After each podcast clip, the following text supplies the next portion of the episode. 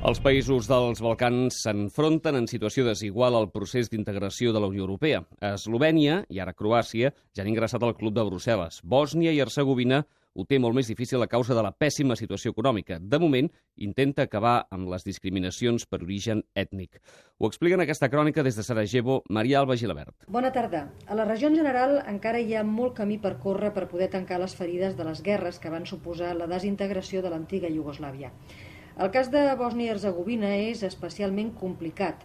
Tres pobles constituents, serbis, musulmans i croats, han de conviure i fer-ho, com deia el ministre de Justícia d'aquest país, Niko Grubesic, amb problemes afegits. Al costat de les diferents lleis que defineixen l'estatus i els drets de les víctimes, a Bòsnia i Herzegovina tenim encara una qüestió per resoldre, i és que les víctimes i els invàlids provocats per la guerra no són tractats de manera igual arreu. La complicada i fragmentada estructura d'aquest estat fa que als diferents indrets del país hi hagi gran disparitat en la manera com s'atén i es compensa les víctimes de la guerra. Víctimes que, en la majoria dels casos, reben compensacions molt minces o atenció molt limitada causades per la difícil situació econòmica del país. Bòsnia i Herzegovina és una de les economies més febles d'Europa. No té indústria, no té inversions i té una gran dependència de l'ajuda internacional.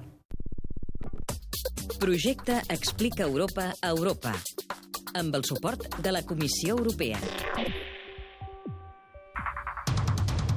Serveis informatius.